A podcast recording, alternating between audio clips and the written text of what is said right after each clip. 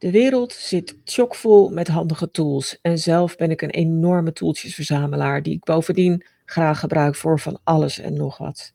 Het nadeel van tools is alleen dat je er snel te veel van hebt. Maar gaandeweg ontdekte ik drie tools waar ik echt niet zonder wil kunnen als het draait om content marketing. Die tools deel ik met je in deze aflevering.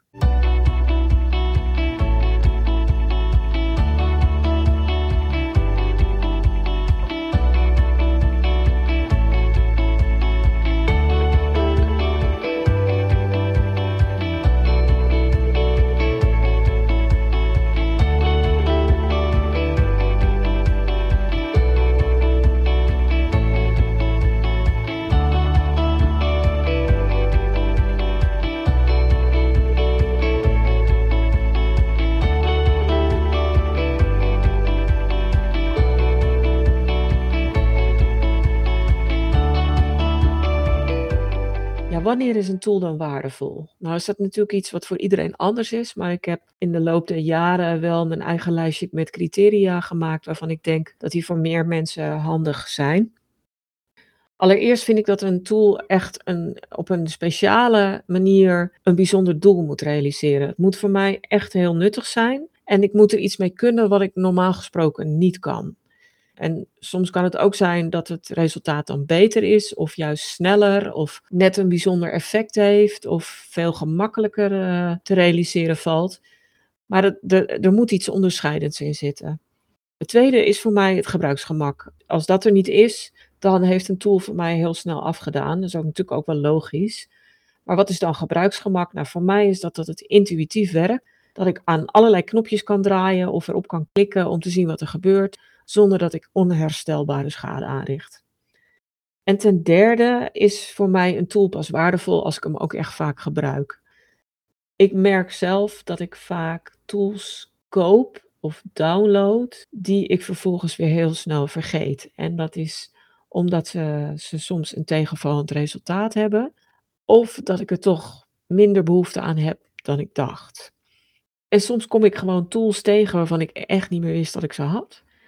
En dat is voor mij een teken dat ik ze toch eigenlijk niet nodig heb. En het pijnlijkste is natuurlijk als dat op een moment is dat je weer een nieuwe factuur krijgt voor een komend jaar met gebruik. Dat is me wel eens overkomen. Uh, maar dat is voor mij ook wel meteen een teken om die tool dan toch echt uh, op te zeggen en het gebruik ervan te termineren. Want ja, als het iets maar alleen maar in je digitale uh, archief zit, dan heb je daar natuurlijk helemaal niks aan. Wat zijn dan mijn top drie waardevolle tools als het gaat om content marketing. Want daar hebben we het in deze podcast over. Tada, dit zijn ze dan. Voor mij is dat Canva Pro. De tweede tool die voor mij super belangrijk en relevant is en effectief is, is Yoast. Maar dan wel de premium versie ook. En ten derde zijn dat content planningstools voor social media. En ik wil ze graag alle drie wat, wat nader toelichten en ook uitleggen wat ik er nou precies aan heb. En het is echt op basis van jarenlange ervaring met deze tools, omdat ik vind dat je ook pas na verloop van tijd kan zien wat een tool je nou echt oplevert. Maar ook omdat je pas na verloop van tijd kan zien hoe een tool zich ontwikkelt. Want een echt goede tool staat ook niet stil. Die haakt in op ontwikkelingen die er zijn en die gaat ook vooruit. En er komen dan dingen bij. En dan mag de prijs voor mij ook omhoog gaan. Maar met extra toepassingen blijft een tool voor mij gewoon steeds relevant. En dat vind ik toch wel belangrijk, want dan hoef je niet steeds over te schakelen naar nieuwe tooltjes, nieuwe speeltjes, want dat is eigenlijk ook zonde, omdat elke tool natuurlijk elke keer een nieuwe investering vraagt om hem te leren en om daar echt het maximale uit te halen. Maar goed, Canva, Joost, en een content planner voor social media. Dat zijn mijn drie onmisbare tools als het gaat om content marketing. Wil ik beginnen met Canva? Mogelijk heb je er al van gehoord, maar Canva is een vormgevingstool waarmee je heel veel kan. Ik weet niet precies wanneer het geïntroduceerd is. Ik denk 2013, 2014. En toen was het echt meteen al een eye-opener. En ik weet nog dat ik toen met mijn vormgever het over Canva had. En dat zij heel sceptisch was, wat ik heel logisch vond vanuit haar expertise. En dat ze toen ging kijken en dat ze zei: Wauw, daar, kun je echt heel veel dingen mee doen. En zij ging ook meteen ermee spelen en kijken of ze iets kapot kon maken, om er maar het maximale uit te halen. Dus dat was, dat was een hele leuke oefening voor ons beiden. Nou, wat je er toen bij het begin mee kon, wat, wat toen al echt super handig was, was dat je er afbeeldingen mee kon vormgeven. En uh, dat was vooral relevant als je goede afbeeldingen voor je website wilde hebben of voor social media. Voor in je berichten, maar ook de omslagafbeeldingen bovenaan je account kon je op een hele goede manier met Canva uh, inrichten. Ook omdat Canva daar speciale schablonen voor heeft die al de juiste afmetingen hebben. Dus dan hoef je ook niet meer te zoeken naar wat is nou de juiste afmeting voor de banner boven Facebook. En is die anders boven mijn pagina dan boven mijn profiel? En is die op LinkedIn weer anders? En moet ik voor YouTube ook weer wat anders doen? Canva die voorziet daar eigenlijk al op een hele goede manier in. En wat ik ook fijn vond van Canva toen al, was dat je er PDF's mee kon maken. En die kon je zowel voor online maken, maar ook in drukwerkkwaliteit. Dus met een hele hoge resolutie. Ja, verder had Canva toen al wat eenvoudige filters waarmee je de kleur iets kon aanpassen. En was er een resizing functie, waardoor je bijvoorbeeld een, een, een afbeelding die je eerst voor Facebook maakte, uh, makkelijk kon omschakelen naar een afmeting die goed was voor LinkedIn of voor Twitter, et cetera. Ik moet zeggen dat die resizing functie toen en eigenlijk nog steeds wel soms een beetje tegenvalt, in mijn ogen dan. Maar hij is er wel en dat maakt het leven toch ook wel weer ietsje makkelijker. Canva is dus echt een voorbeeld van een tool die zich onwijs aan het ontwikkelen is. Ik vind het onvoorstelbaar wat er de laatste 1 à 2 jaar is bijgekomen. Behalve de gewone basisfilters die er eerst waren, zijn er nu allerlei beeldeffecten. Uh, je kunt de achtergrond weghalen, je kunt hem pixelachtig maken, je kunt hem duotoon maken met verschillende effecten. De beeldeffecten zijn enorm. En gaandeweg zijn ze ook de mogelijkheid om animaties en vervolgens video's te maken gaan toevoegen. Wat heel handig is als je bijvoorbeeld met reels en met stories werkt in je social media. Want die kun je daar dus mee maken. Maar ze hebben er ook mock-up schablonen aan toegevoegd. Dus dan kun je jouw uiting uh, toevoegen aan bijvoorbeeld een situatie buiten. In buitenreclame of in een metrostation of op een poster of op een visitekaartje, uh, in een brochure, een advertentie in een tijdschrift. Dus het zijn allemaal virtuele mock-ups. Ze zijn niet echt, maar ze werken wel heel erg leuk. En wat ik verder zie is dat Canva nu heel veel cursussen heeft toegevoegd. En die kunnen ook echt interessant zijn op het moment dat je met content marketing bezig bent. Ze hebben nu cursussen over het maken van goede presentaties, voor de inzet van social media, voor de inzet van Pinterest. Er is een cursus over personal branding en over design basics. En wat ik heel leuk vind, er is ook een Canva-cursus voor onderwijzers. Die kunnen Canva dus ook heel goed inzetten voor allerlei lesmateriaal en dingen in de klas. En met al die toevoegingen lijkt het wel alsof Canva steeds meer bezig is om allerlei andere tools overbodig te maken. Ik had bijvoorbeeld een hele basic video software tool, die echt ja, een beetje uh, plug and play was met ja, heel simpel dingetjes slepen en leuke effecten toevoegen. Ja, die tool die kan ik opzeggen, want Canva heeft het nu. En Canva heeft het eigenlijk zelfs nog beter. En dat scheelt gewoon uh, een, een andere tool die daarmee overbodig wordt en die ook best wel prijzig was. Dus wat dat betreft ben ik heel erg gecharmeerd van Canva. Maar dan vooral van de pro-versie. Ik vind eigenlijk dat als je echt iets wil met, met content, dan moet je niet de gratis versie gebruiken. Ja, misschien wel om het een beetje te verkennen. Maar schakel dan zo snel mogelijk over naar de pro-versie. De prijs valt reuze mee en het heeft echt heel veel waardevolle extra's. Allereerst kun je daar je eigen merkmateriaal aan toevoegen, waardoor je bij elk ontwerp wat je maakt, wat je nieuw opstart, meteen de juiste settings al hebt staan. Dus met dat merkmateriaal heb je je eigen fonds. Je kunt ook eigen fonds uploaden als je dat wil. Je kunt je logo's uiteraard uploaden en ook allerlei logo-elementen. Je kunt je eigen kleurenpalet definiëren, zodat altijd de vaste kleuren beschikbaar zijn. En je kunt ook meerdere merken erin zetten. Ik heb bijvoorbeeld meerdere websites en daar heb ik dus drie kleurenpaletten, drie logo's, et cetera, allemaal in staan. En dat werkt heel erg makkelijk. Waar de pro-versie verder nog heel goed in is, is dat je ook gratis toegang hebt tot allerlei stokfoto's. Ik heb zelf een enorme collectie stokfoto's, maar soms loop ik toch ergens tegenaan dat ik denk: "Oh, dat is iets buiten mijn normale spectrum en dat zoek ik nu." En dan is die pro-versie een hele goede oplossing, omdat dat weer toegang geeft tot heel veel extra foto's. In de pro-versie krijg je ook nog veel meer schablonen, templates en iconen. Je hebt premium video opties, waardoor je nog meer goede video's kunt maken. Je hebt nog meer filters en effecten. Je kunt transparante achtergronden downloaden. Je hebt veel meer opslagruimte en dat is voor mij wel handig, want ik heb ondertussen echt al enorm veel afbeeldingen en designs in Canva zitten.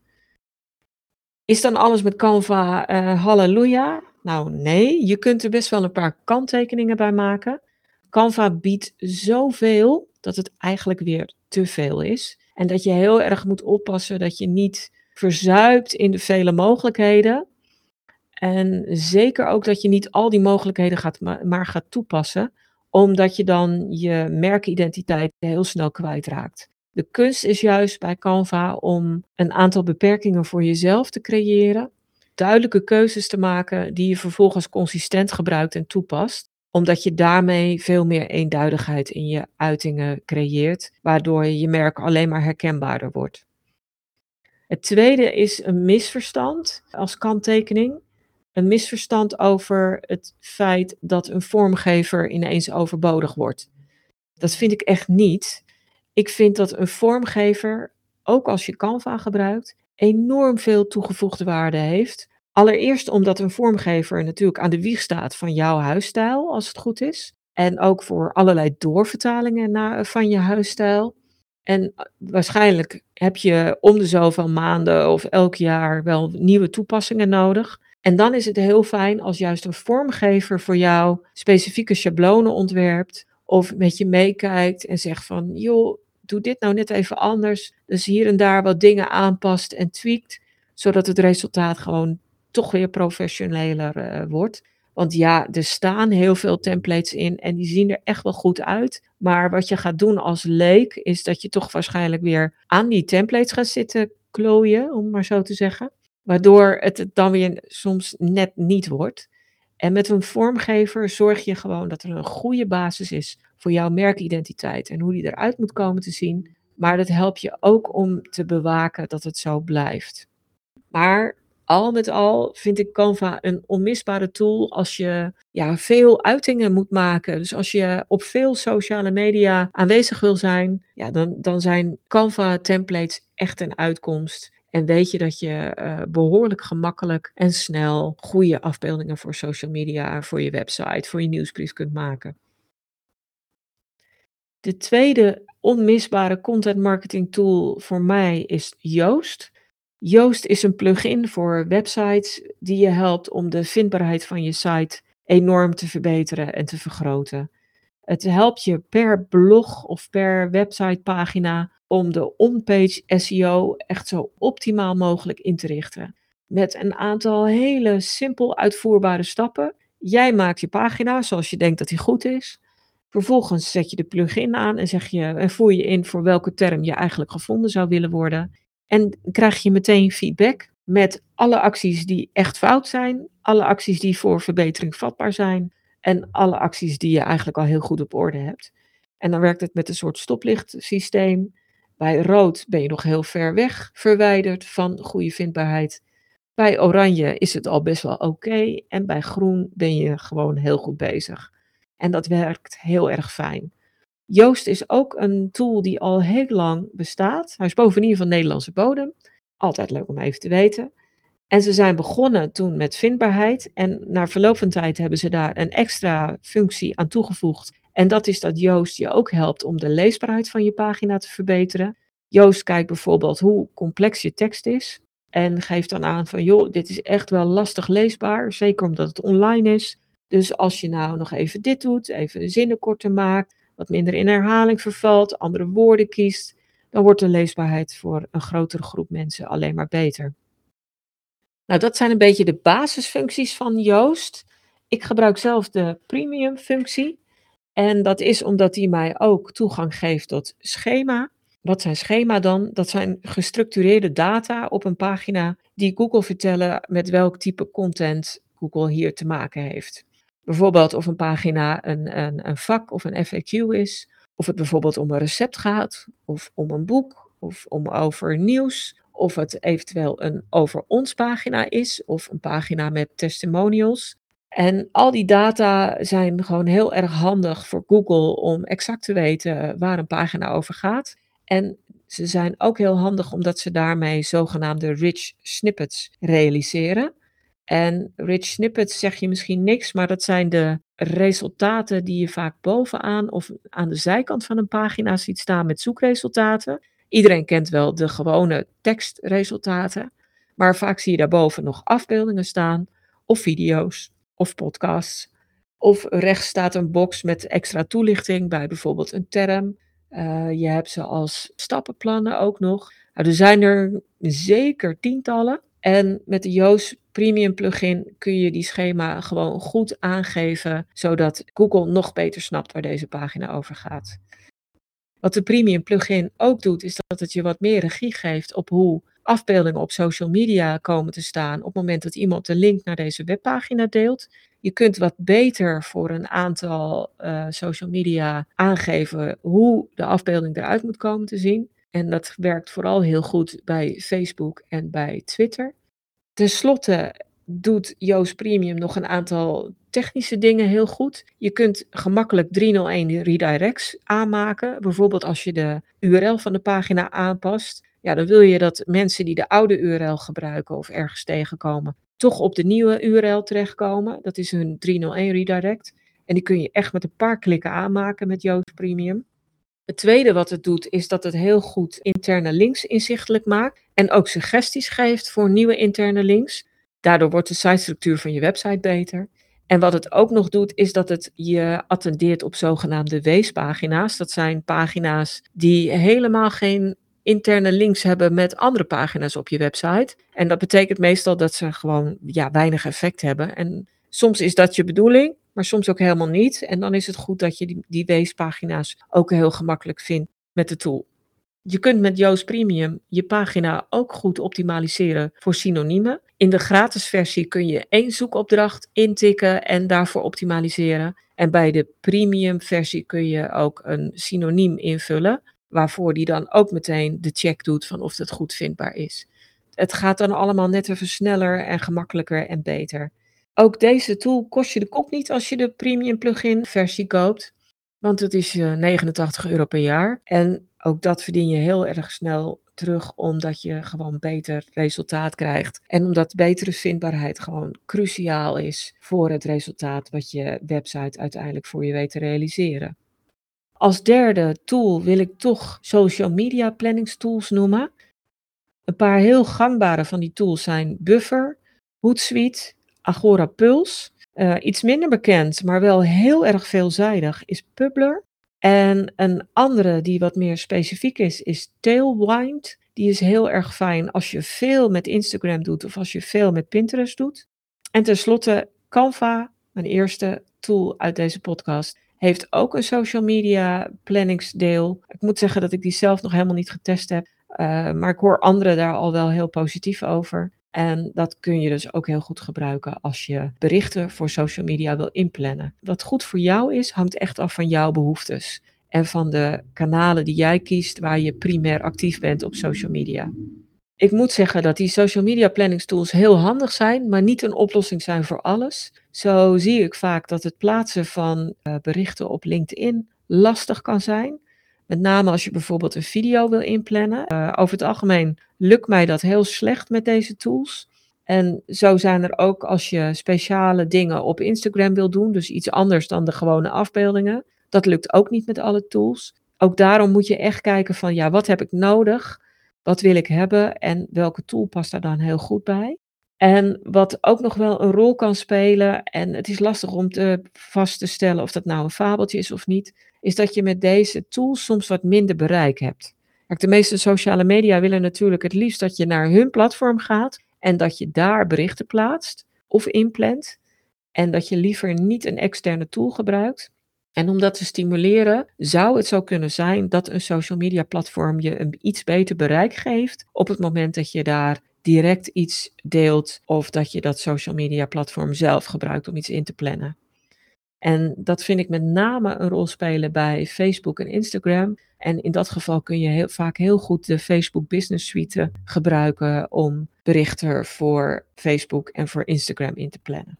Nou, dit zijn drie tools die wat mij betreft onmisbaar zijn als je veel resultaat wil boeken met content marketing. En uh, niet alleen resultaat, maar ook als je echt veel gebruiksgemak nastreeft.